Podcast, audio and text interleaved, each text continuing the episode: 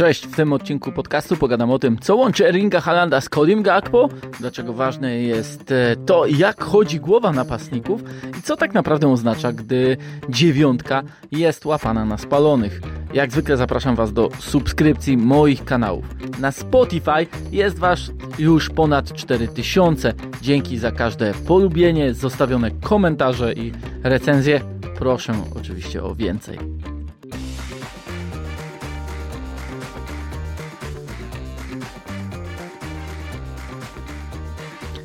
Gdyby się dobrze zastanowić, to gra napastników polega na doskonałym timingu.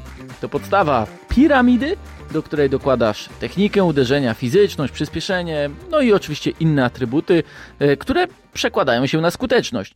Jednak nie będziesz napastnikiem, jeśli nie potrafisz wykonywać właściwych ruchów w tempo podań, dośrodkowań czy zdarzeń w ataku. Przecież powiedzenie, że kogoś szuka piłka w polu karnym przeciwnika, to nic innego jak odniesienie się do timingu działań zawodnika.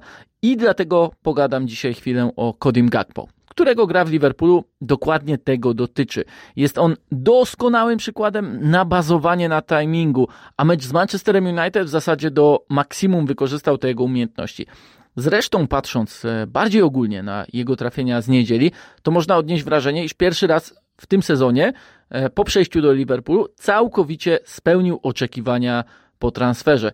Choćby dlatego, że przychodził jako uniwersalny atakujący, który może być też skrzydłowym i centralnym napastnikiem.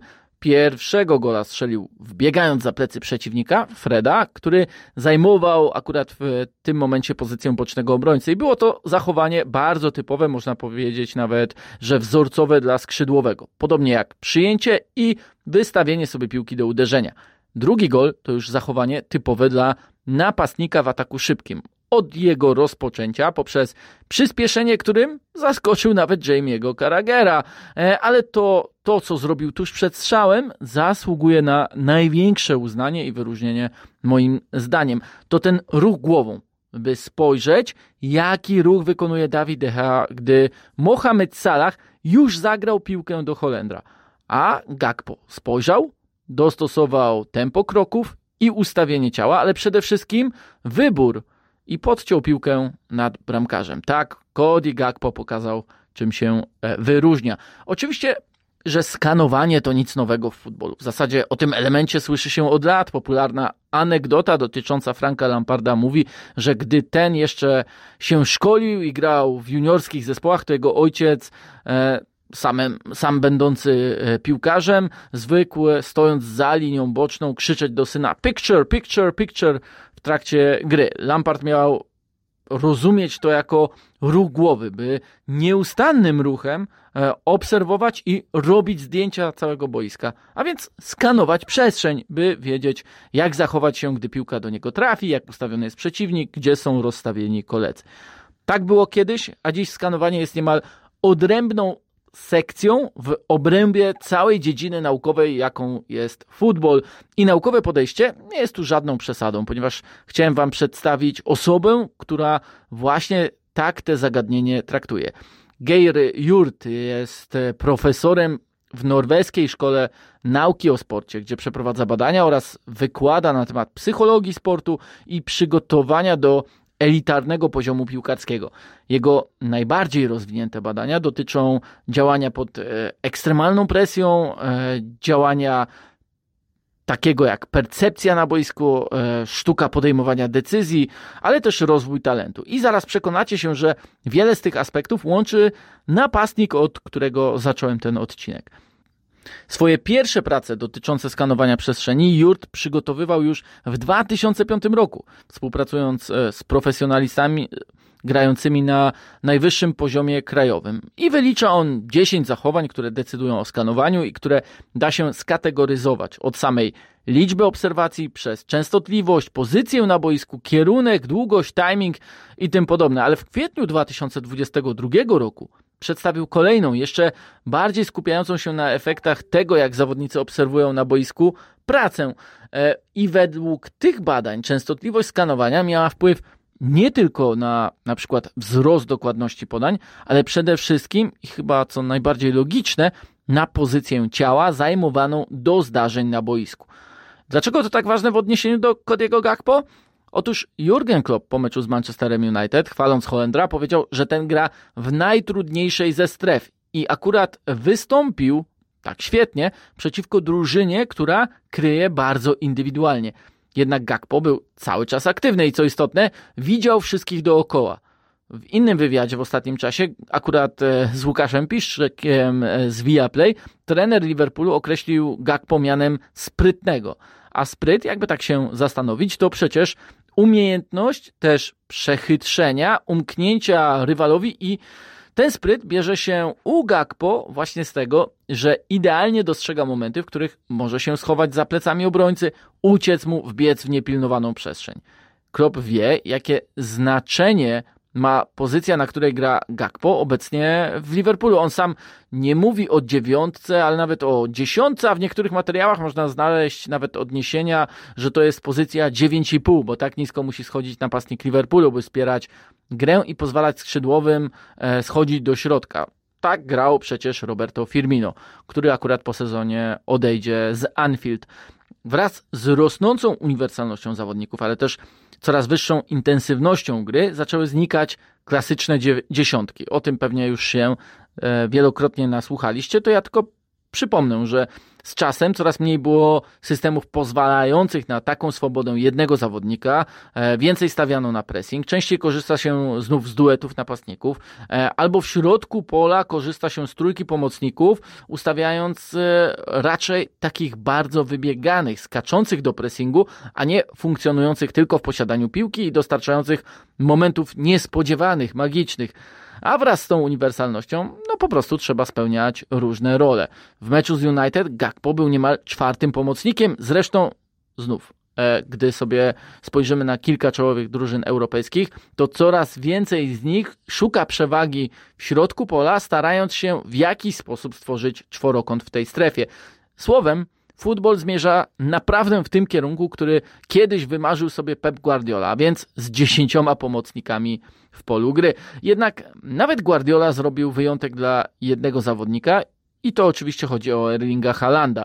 W czasie tego sezonu przyznawał, że po rozpoczęciu współpracy z Norwegiem był zaskoczony tym, jak świetnie Haland pracuje w polu przeciwnika, e, odnajdując sobie wolną przestrzeń w ścisku, który przecież dla meczów City jest bardzo charakterystyczny. Tu z odpowiedzią na ten fenomen w grze e, Halanda spieszy Geir Jurt. Otóż norweski napastnik skanuje przestrzeń e, raz na dwie sekundy, a w przeprowadzonym przez profesora badaniu na zawodnikach z poziomu Premier League w sezonie 2017-18 okazuje się, że napastnicy wykonują to działanie najrzadziej ze wszystkich pozycji z pola. Jest to zaskakujące, ale to, co dla Halanda jest najwyższym wynikiem i to, co go w tej kategorii napastników wyróżnia, jest na przykład dla środkowego pomocnika normą. Oczywiście to też może być komplement, że Haland obserwuje przestrzeń, skanuje przestrzeń na równym poziomie co pomocnicy z poziomu Premier League. Gakpo e, nie podpadł jeszcze pod badanie Jurda, ale jego umiejętność widać coraz lepiej z każdym kolejnym meczem w Liverpoolu. Również dlatego, że dostosował się do tempa, intensywności spotkań, a łatwiej mu było dzięki temu właśnie ile widzi na boisku. Tak jak z United. Jeśli umie odnaleźć dla siebie wolną przestrzeń, to unika starć z rywalem, to sprawia mu problem swoim ustawieniem, to zadaje mu pytania, na które akurat defensywa United nie potrafiła odpowiedzieć, ale też nie ryzykuje tylu strat, a rytm gry zespołu nie jest zaburzony, co więcej mogą oni stwarzać przewagę w kluczowej strefie. Efekty e, znamy. Co więcej, timing wyróżnia się w każdym z dotychczasowych trafień Gakpo w Premier League gol z Evertonem. Idealne wbiegnięcie na dalszy słupek i zamknięcie szybkiego ataku po podaniu Trenta Aleksandra Arnolda pokazując bocznemu obrońcy Gakpo e, jeszcze przed tym jak Aleksander Arnold otrzymał e, piłkę, idealnie e, tłumaczy czym jest obserwacja i czym jest też widzenie w takim sensie, że dostrzega on możliwość stworzenia zagrożenia poprzez podanie w konkretną strefę, w której zaraz e, się znajdzie. A obserwowanie jest też kluczowe, by złapać odpowiednie tempo i uniknąć spalonego gol strzelony Newcastle to kolejny idealny przykład e, zachowania Holendra, bo on oddał piłkę jeszcze w drugiej linii, zagrywając poprzek boiska na około 25 metrze i od razu wbiegał w pole karne, gdzie po dwóch kolejnych podaniach dostał piłkę od Mohameda Salaha. Ten zresztą też zachował się idealnie, bo wychodząc do podania za pierwszym razem, obrócił się, widząc, że nie ma na plecach przeciwnika, a więc może skierować się bardziej w stronę bramki. E, za drugim razem skanował przestrzeń, by dostrzec ruch Gakpo i piłka już wtedy była do niego podana. Tak więc dwa skanowania przestrzeni wystarczyłyby odpowiednio obrócić swoje ciało w kierunku bramki przeciwnika i odnaleźć swojego e, kolegę. Całość złożyła się w kapitalną akcję, gdzie wszystko zazębiło się idealnie. Timing, jak więc mówią, to jest prawda, jest wszystkim. Przede wszystkim w tej akcji zgadzało się też to, że Gakpo uniknął pozycji spalonej. I to wydaje mi się o tyle ciekawe, że właśnie skanowanie przestrzeni przykładające się na timing działania wpływa na to, jak często dany napastnik jest łapany na spalonym. Gakpo to ma. Gdy przypomnimy sobie gola strzelonego United na 1 do 0, bo wówczas uniknął pułapki offside'owej, ponieważ obserwował jednocześnie linię obrony, Freda, jak on się ustawia i kiedy zgubi go ze swojego pola widzenia, ale też to, co robi Andy Robertson.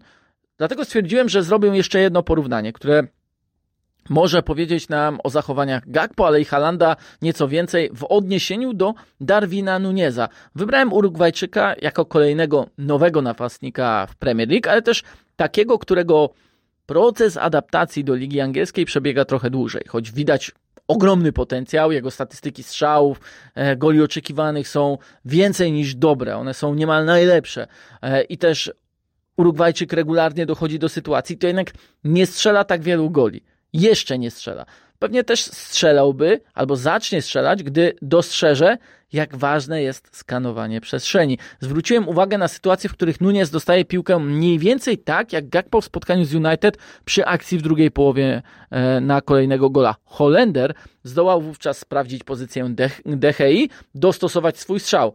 Gdy Nunes w takich meczach jak z Evertonem czy z Leicester City, gdy nie podnosił głowy, a wybiegał na ostry kąt, na uderzenie w sytuacji sam na sam, e, tej głowy nie podnosił i też nie kończyło się oczywiście bramką. Ale druga sprawa to też umiejętność dostrzeżenia i zbierania informacji, e, wyciągania z niej konkretu, bo przecież wybiegając z bocznej strefy sam na sam z bramkarzem w meczu z Wolverhampton, Nunes podniósł głowę, widział co robi bramkarz, a i tak wybrał uderzenie na siłę prosto w rywala.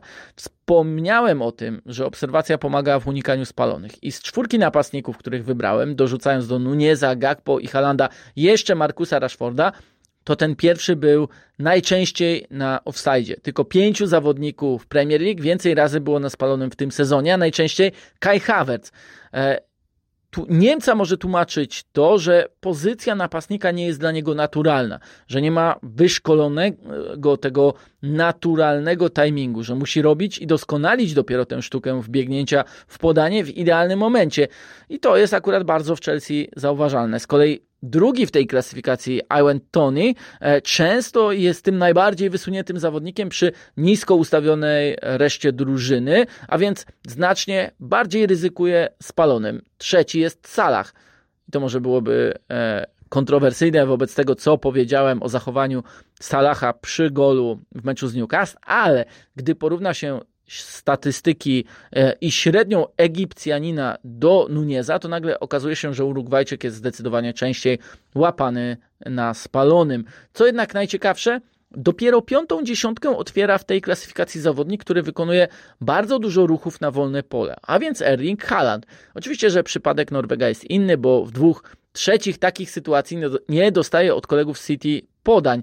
Jednak warto zauważyć, że e, skanowanie Halanda wyliczone przez Jurda nie dotyczyło wyłącznie zachowań w polu karnym.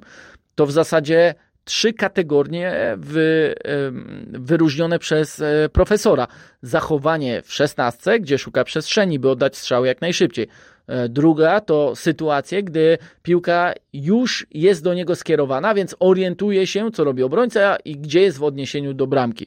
Po trzecie, to sytuacje sam na sam obserwuje wówczas Haland, jak ustawiony jest bramkarz, jak się przechyla, e, którą e, stopą kieruje się do jakiego boku i gdzie należy uderzyć, by po prostu strzelić gola.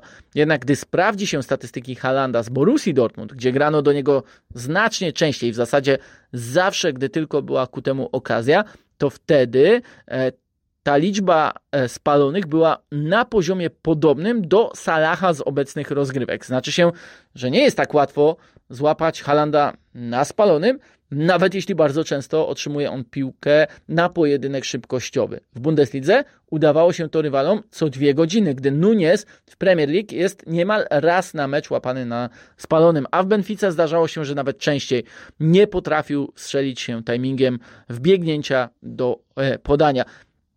Także dlatego gra na dziewiątce może nie być dla Nuneza najlepszym rozwiązaniem, a już na skrzydle ze schodzeniem do środka bardziej, bo i droga tę strefę e, światła bramki jest wydłużona, a nie musi też tak często podchodzić do gry i być tyłem do bramki przeciwnika, odnajdywać się w roli rozgrywającego. Zresztą grając na dziewiątce, Nunez strzelił tylko dwa gole w 828 minut tego sezonu Premier League, a Gakpo 4 w niecałych 500. A więc zgoda, gra na dziewiątce Liverpoolu, ale i w każdej nowoczesnej drużynie jest cholernie trudna, chyba że ma się narzędzie, które sprawia, że nie tylko głowa napastnika chodzi szybciej, ale dzięki temu szybciej chodzi cały zespół. I Gakpo to ma. On to, co powinno się dziać w atakach Liverpoolu, po prostu widzi.